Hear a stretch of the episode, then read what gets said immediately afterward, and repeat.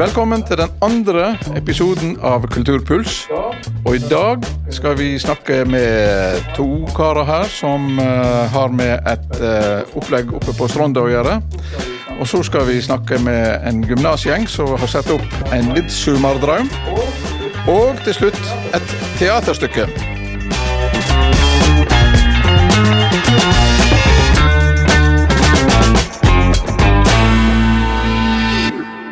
Velkommen, Knut Blikkberg og Einar Mjølsnes. Det har um, sikkert i lag med flere andre uh, sett opp ei forestilling på Stronde som da baserer seg på um, dikta og uh, tankene til Knut Georg Bergstrøm, populært kalt KGB. Um, Knut, eller Einar kanskje, er den som kan mest om uh, KGB. Kan du fortelle hvem var denne Knut Georg Bergstrøm? Jeg kjenner han egentlig ut ifra Jeg bodde på Oppheim, og det gjorde han òg eh, på den tida. Og jeg, han eh, gikk i klasse med min bror, som er en del år yngre enn eh, en meg, da.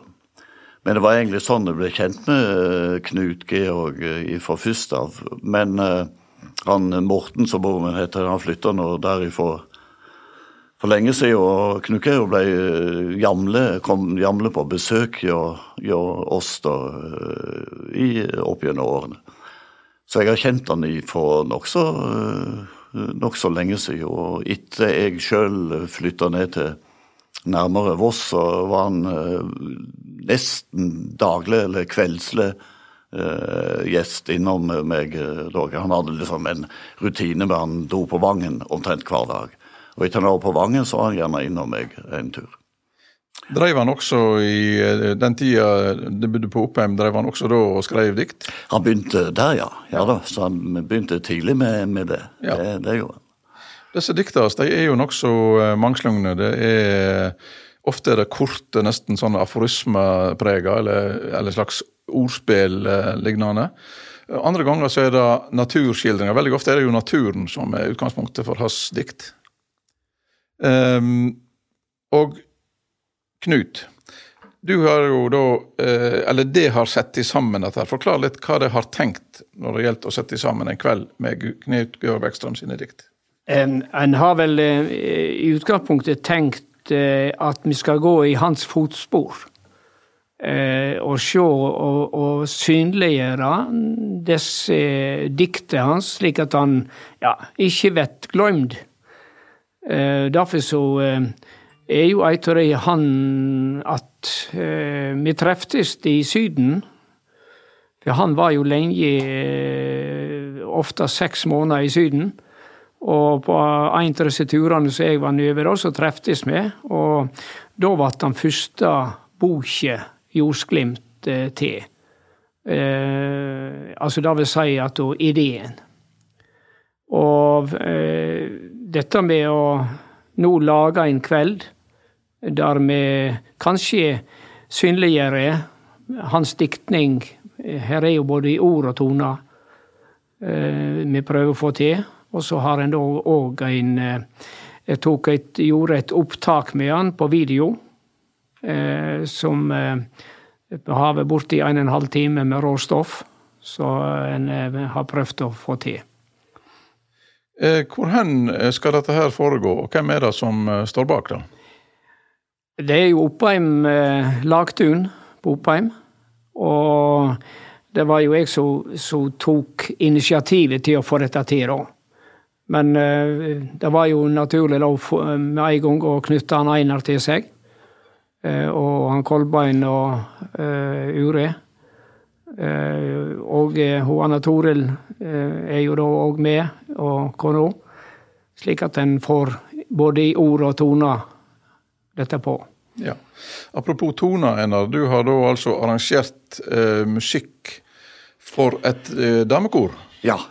Eh, en Leif Ludvigsen som eh, Knut Georg kjente nettopp fra Kanariene, Gran Canaria, som han holdt til i da, eh, halve, altså hele vinterhalvåret i mange år.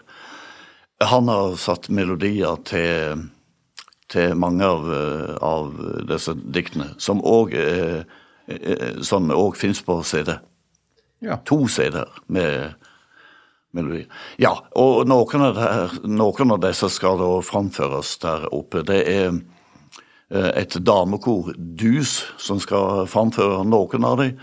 Og så er det òg Tor Øyil Bidne Kvitne, som skal òg framføre noen av, av disse sangene.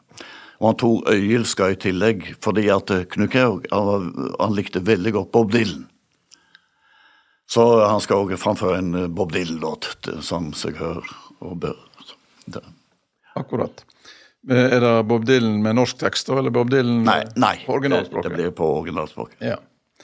Eh, Knut, eh, litt mer om sjølve kvelden. Blir dette her en sånn eh, bygdakveld, godt gammelt format, holdt på å si, med, med litt å bite i og eh, ja, i hele tatt? Du har nok eh, rett i den eh, formuleringen. Eh, det er meint å ha litt kaffe i og litt å bite i.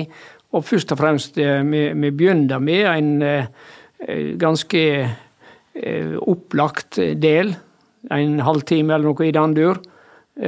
som vi, vi tar som et program, og så tar vi litt kaffe, og så etterpå så tar vi det litt løsere. Det blir jo eh, mye, mange innslag, regner vi med, eh, utover. Ja.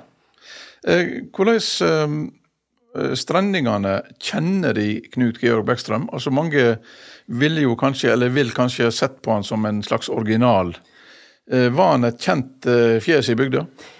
Han er nok godt kjent i, i bygda, men eh, de fleste kjenner nok mesteparten av diktningen hans gjennom Hordaland.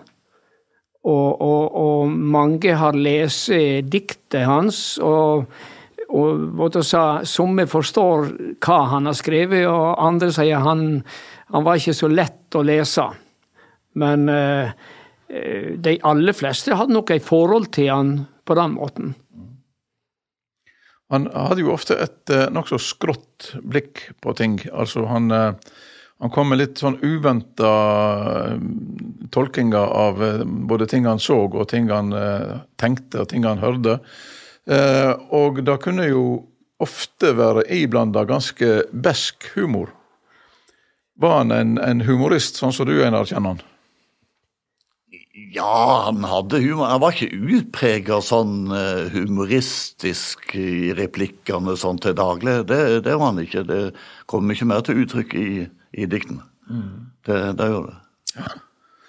Uh, og som jeg sa i stad, så er vel uh, naturen et, et, veldig sterkt element i mye av diktinga hans?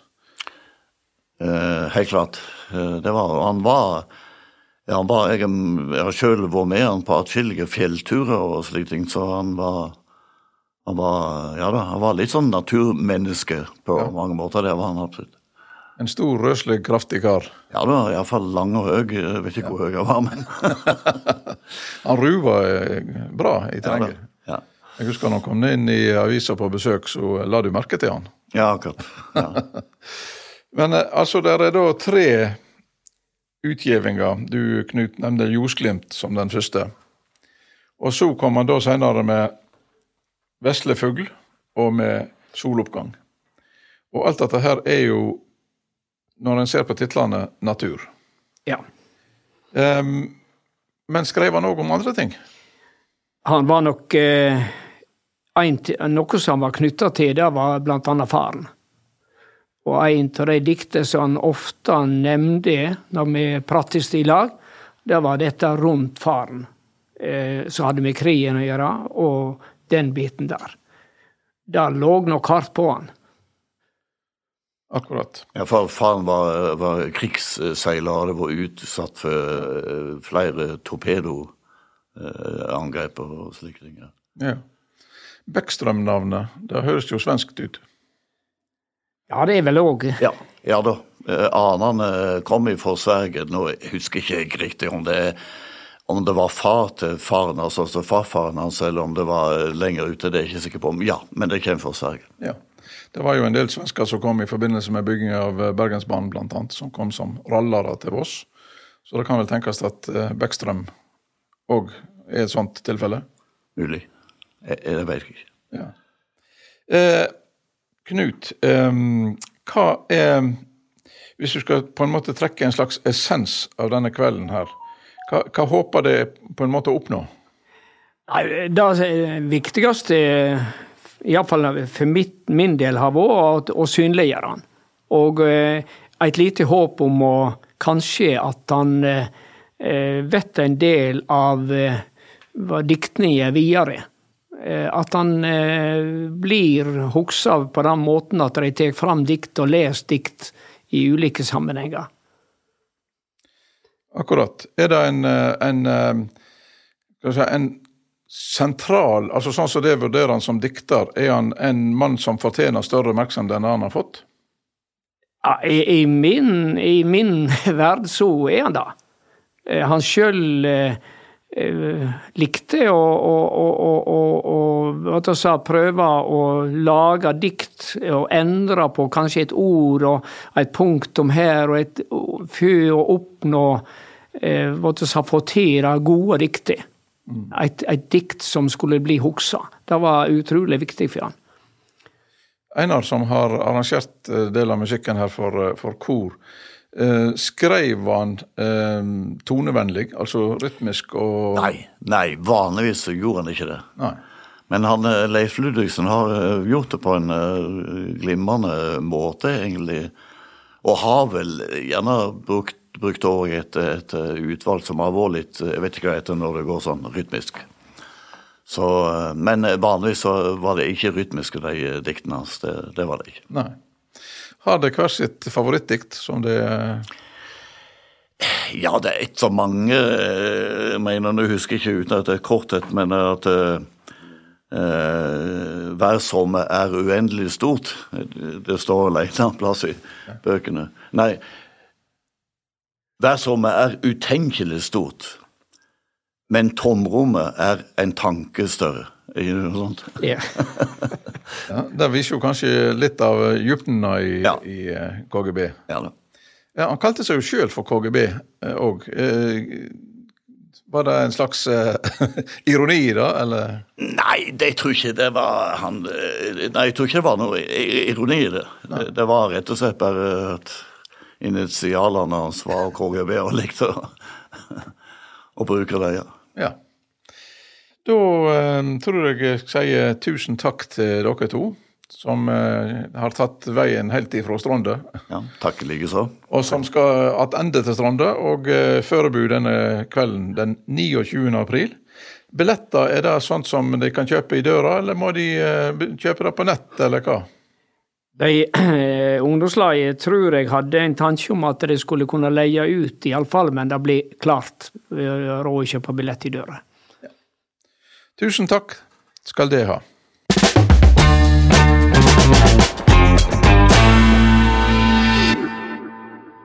Velkommen til tre stykk. En lærer og to gymnasiaster. Og da kan vi begynne med damene som vanlig. Ranja Solberg Lofthus. Ja som er tredjeårsgymnasiast og russ, men uh, foreløpig uten uniform. Ja, den er ikke på ennå. Litt tidlig. Så har vi han Sondre Demring Styve i 2M. Jepp. Som da representerer bandet i eh, denne musikalen i denne omgang. Det stemmer. Og så har vi Nina Mork Brunvoll, som er lærer på gymmen. Ja, det stemmer òg. Og uh, i denne her uh, musikalen så har du hva oppgave har du der? Ja, I år så har det blitt min oppgave å ordne med kostymer. Og så har jeg ansvar for korinnslaget sammen med Elise, en annen kollega. Ansvaret for kostyme, er det et stort ansvar? holdt på si? Mye kostyme? Eh, ja, jeg vil jo si i forhold til tidligere produksjonen produksjoner vi har hatt, så er det litt mer vekt på kostyme. Fordi at vi skal tilbake i tid, og vi har flere folk som er skuespillere. Eh, og det vil jo hjelpe veldig på på eh, ja, framføringa, at man liksom prøver å komme inn i et eh, annet univers med å legge litt vekt på kostymene. Hvor mange er det med i eh, hele oppsetninga, totalt sett? Ja, det var et godt spørsmål. Vi er vel nærmere 40-35 elever, og så er vi fem-seks lærere i forholdsvis store stillinger. Ja. ja. Og så har vi jo en del eh, lærere i mindre stillinger som bidrar med instrumentalundervisning og sånn, og som må bli knytta litt opp til dette prosjektet. Og når forestillingene da skal gå 29. og 30. april, så eh, er lærerne medvirkende bak scenen? Eh, både bak og på scenen. For dette Jaran, har, Jaran Linich han har arrangert en del, og han blir eh, musikalsk leder. Og så Frode blir med og spiller piano i bandet. Eh, Elise er regissør. Så vi håper at det går uten for mye avbrytelser og sånn på forestillingene. Hun er regissør, og vi har en inspisient eh, som er Elisabeth Oppås. Og jeg blir vel backstage og får på og av kostymer i en vill fart, tror jeg. Ja. Og Frode, altså da Frode Skag Storheim? Ja, det stemmer. Ja. Ranja, um, du er blant annet en sånn fortellerfe. Mm -hmm. uh, har du andre oppdrag underveis òg? Nei, det har jeg faktisk ikke tid til. Den, uh, jeg er på scenen hele tida i lag med de to andre fortellerfeene, så det går i ett. Ja. Som er med på de aller fleste scenene. Vi har ikke tid til å bytte klær heller, så det er samme kostyme hele veien. Det er egentlig i klesveien, altså? Ja. ja. Men, uh, men uh, betyr det at det er masse tekst som du må lære deg? Ja. Det er en god del replikker, men vi begynte å øve veldig tidlig, fordi Jaran, som da er læreren vår, han var veldig på at vi skulle lære oss det fort, så um, det gikk ikke så lang tid før vi lærte oss de. Akkurat. Ja. Det nytter å pugge. Ja, det gjør det faktisk. Kanskje litt seint å oppdage det når du er russ, men likevel. Ja, ja. eh, Sondre, du ja. er da i bandet. Ikke uventa, men det er litt uventa instrument du har? Ja, jeg eh, sitter bak eh, trommesettet. Ja. Hvordan er det å hoppe fra bass til tromme? Nei, eh, jeg har nå alltid spilt litt tromme i heimen. Vi har jo alltid hatt det stående. Eh, jeg og broren min, eh, som jeg har jamma på og spilt i dag med. Ja. Så det går, går, ganske fint. Men det er jo litt annerledes å spille tromme til en sånn oppsetning enn det er å spille rock og jazz og blues og andre ting. Ja, det er det. Det er så uvant. Det er jo alle notene og cues og ditt og datt. ja å komme inn på rett plass. Ja. ja. Um, dette her heter jo da Musikklinas midtsumarnatt. Det er jo en uh, nesten arkaisk uh, ordbruker, midtsumar. Men uh, det bygger jo da, som de fleste vil forstå, på en midtsommernattdrøm.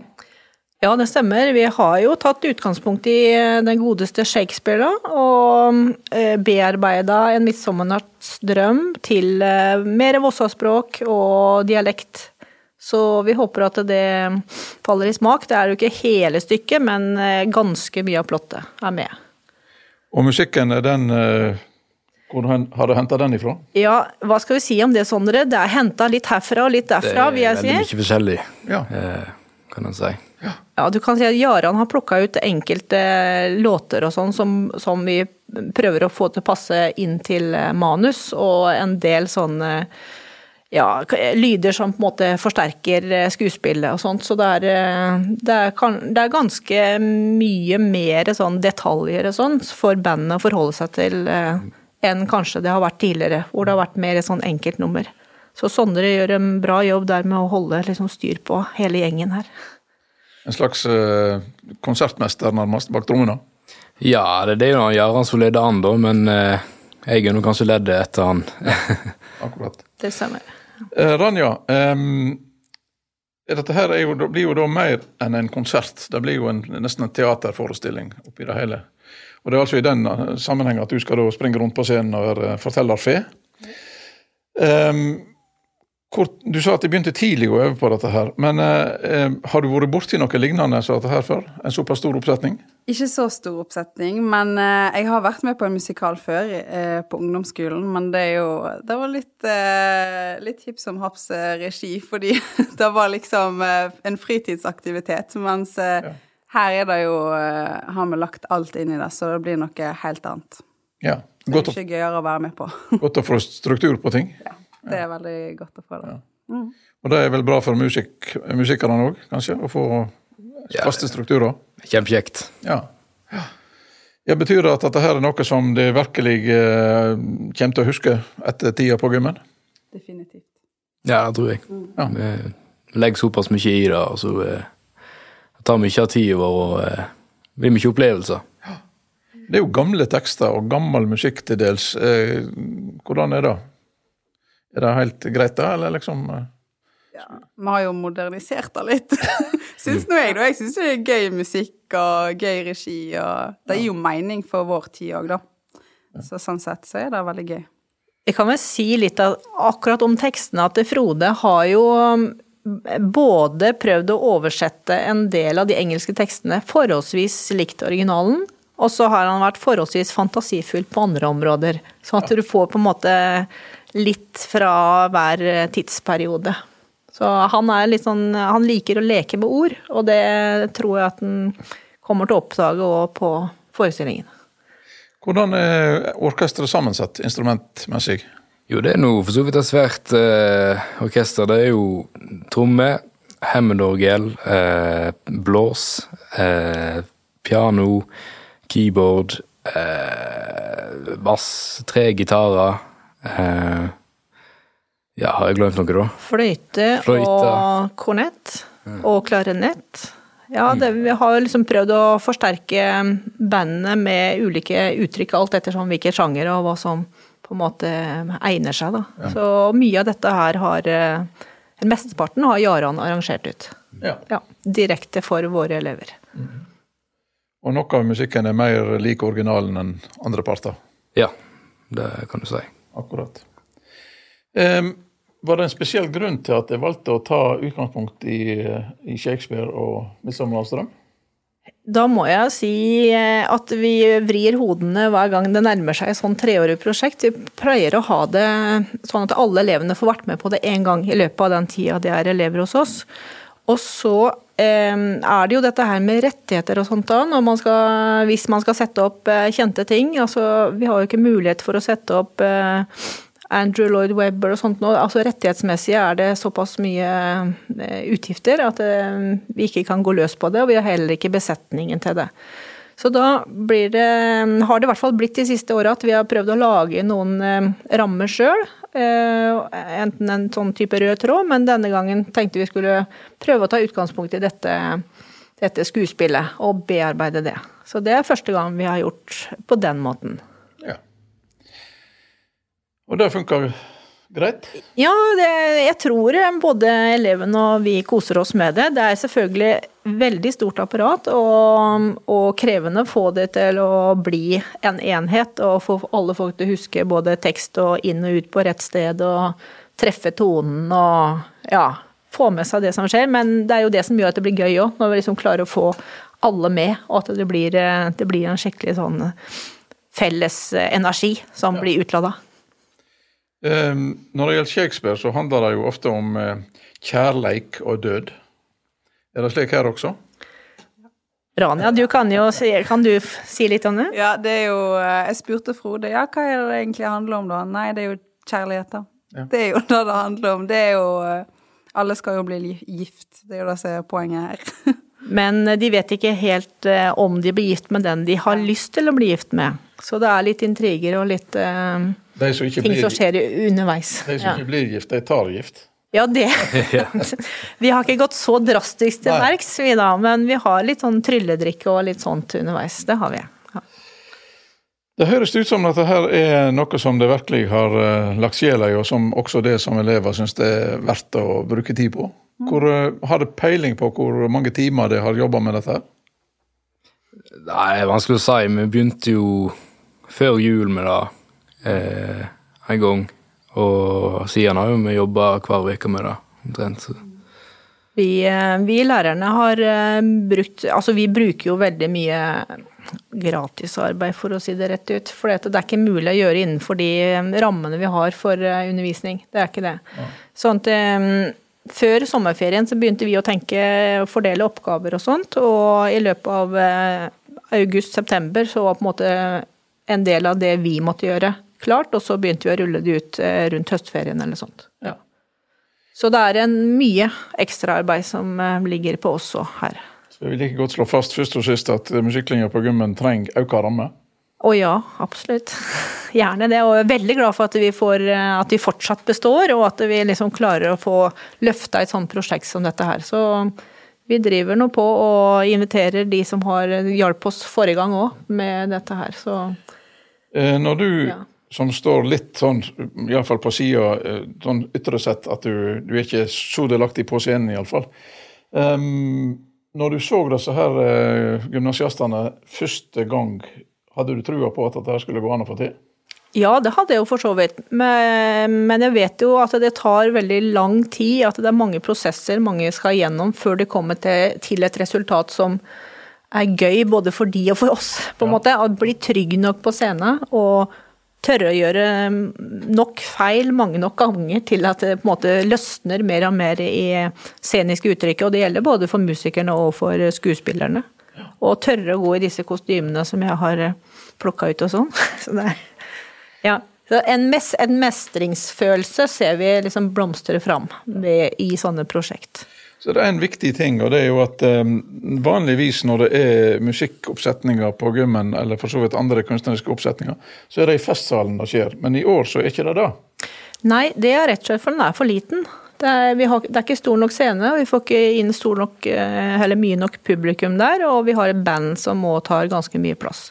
Så vi trenger større areal, og vi har òg litt eh, dansing og litt koreografi som gjør at det er for lite. Men festsalen er en veldig god konsertarena til andre ting, men ikke så egnet til akkurat dette prosjektet. Og Det regner tydeligvis med at det er en del folk som har lyst til å se dette, her, for det er laget til to kvelder? Vi lager til to kvelder, og håper at så mange som mulig har lyst til å komme og se det. Eh, det gjør vi absolutt. En eh, fredagskveld og en lørdagskveld. Elevene er i full gang med å få med seg sine, men eh, vi vil gjerne ha så mange som mulig til å komme. Ja. Så selv om dette her kanskje er sånn to måneder for tidlig, da, så er det likevel skal det bli skikkelig midtsommernatt? Det skal det bli. Mm. Tusen takk til dere tre for praten.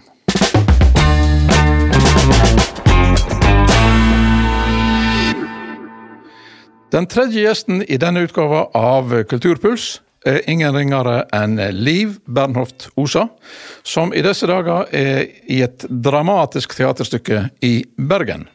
Velkommen, Liv. Takk skal du ha. Ja. Rett fra teatret? Ja da, jeg hadde forestilling i dag klokka tolv. Ja. Ja, ja. ja.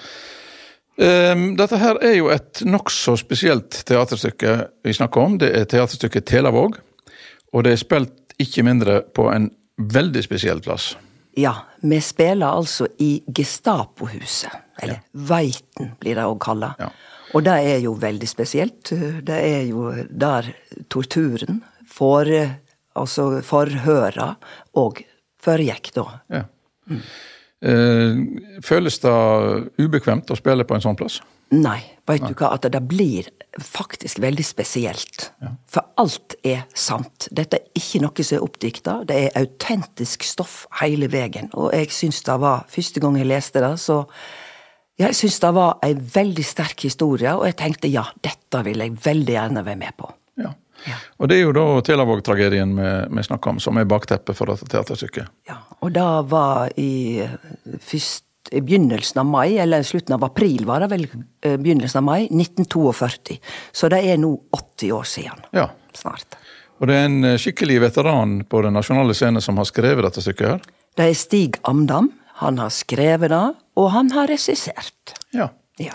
Og det er det som skuespillere er komfortable med, at han sjøl er skuespiller? Ja, veit du hva, det har vært altså så fint å jobbe med han hele veien. Jeg har bare godt å si om han, og det er Ja, det syns ja. jeg er han, er han er virkelig en, en eh, stor kunstner, syns jeg. Både på den ene og den andre måten. Ja. ja.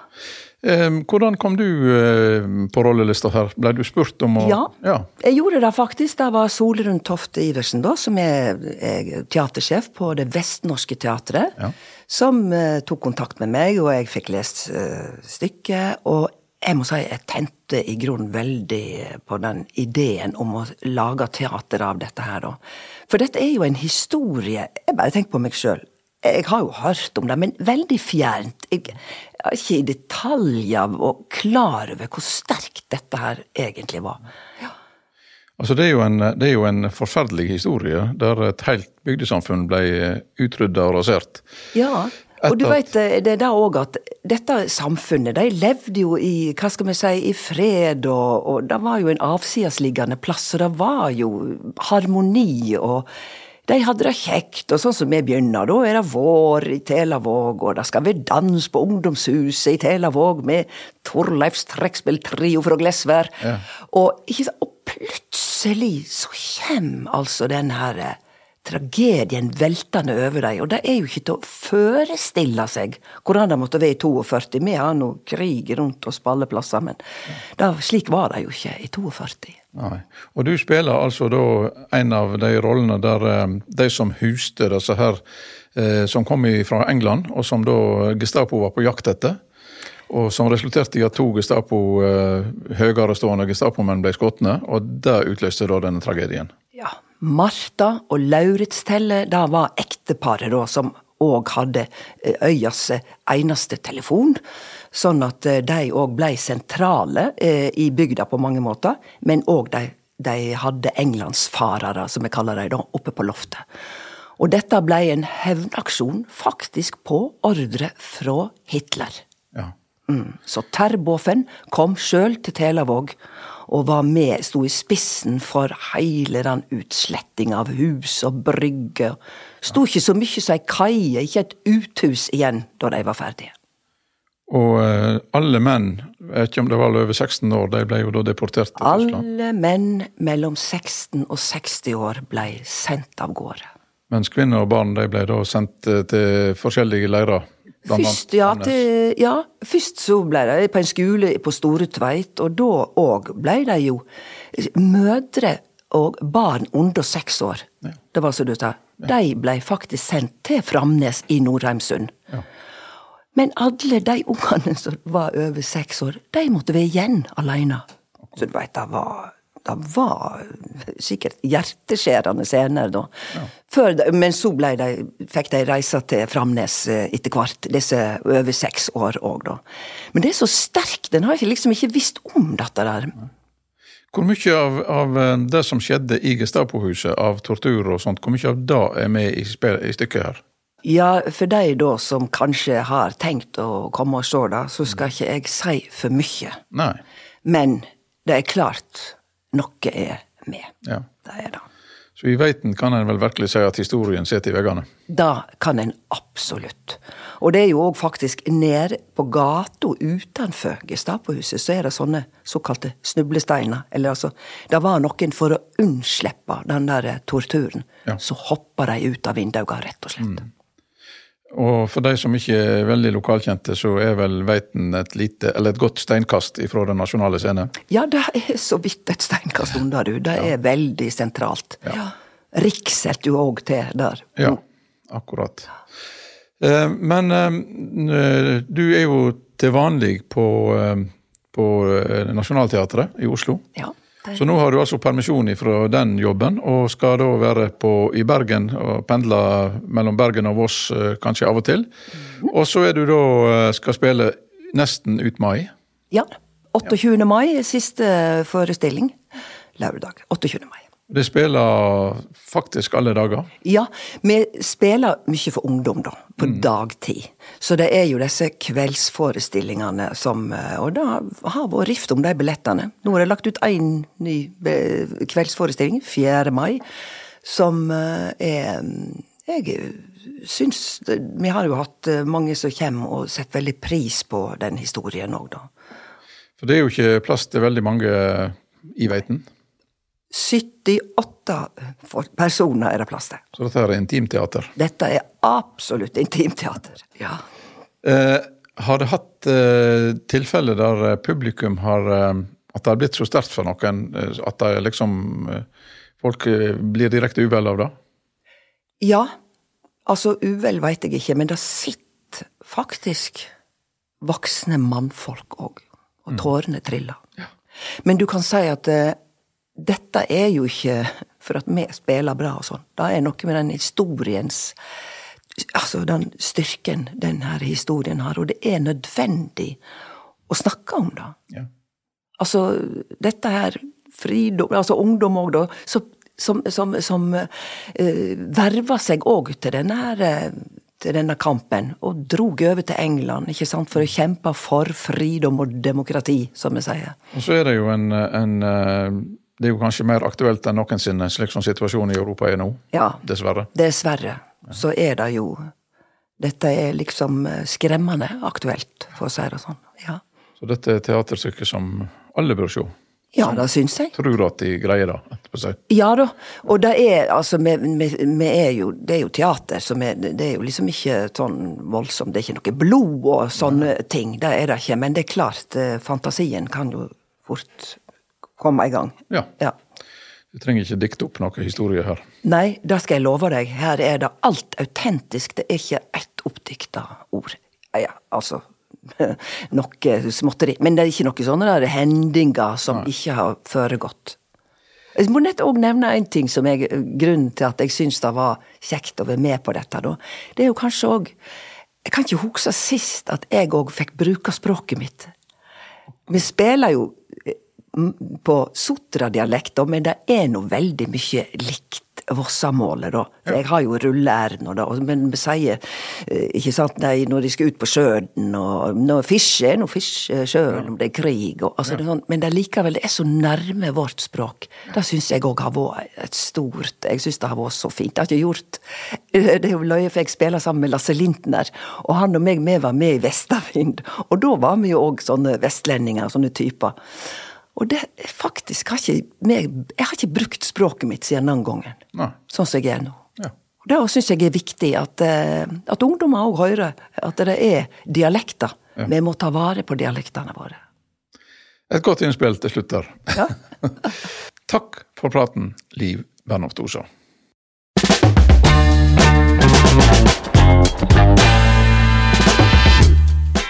Ja, da takker vi for oss i dag for den andre episoden av Kulturpuls. Men vi er plutselig tilbake, og da kan det lett hende at det skal handle om høneplukking, mellom annet.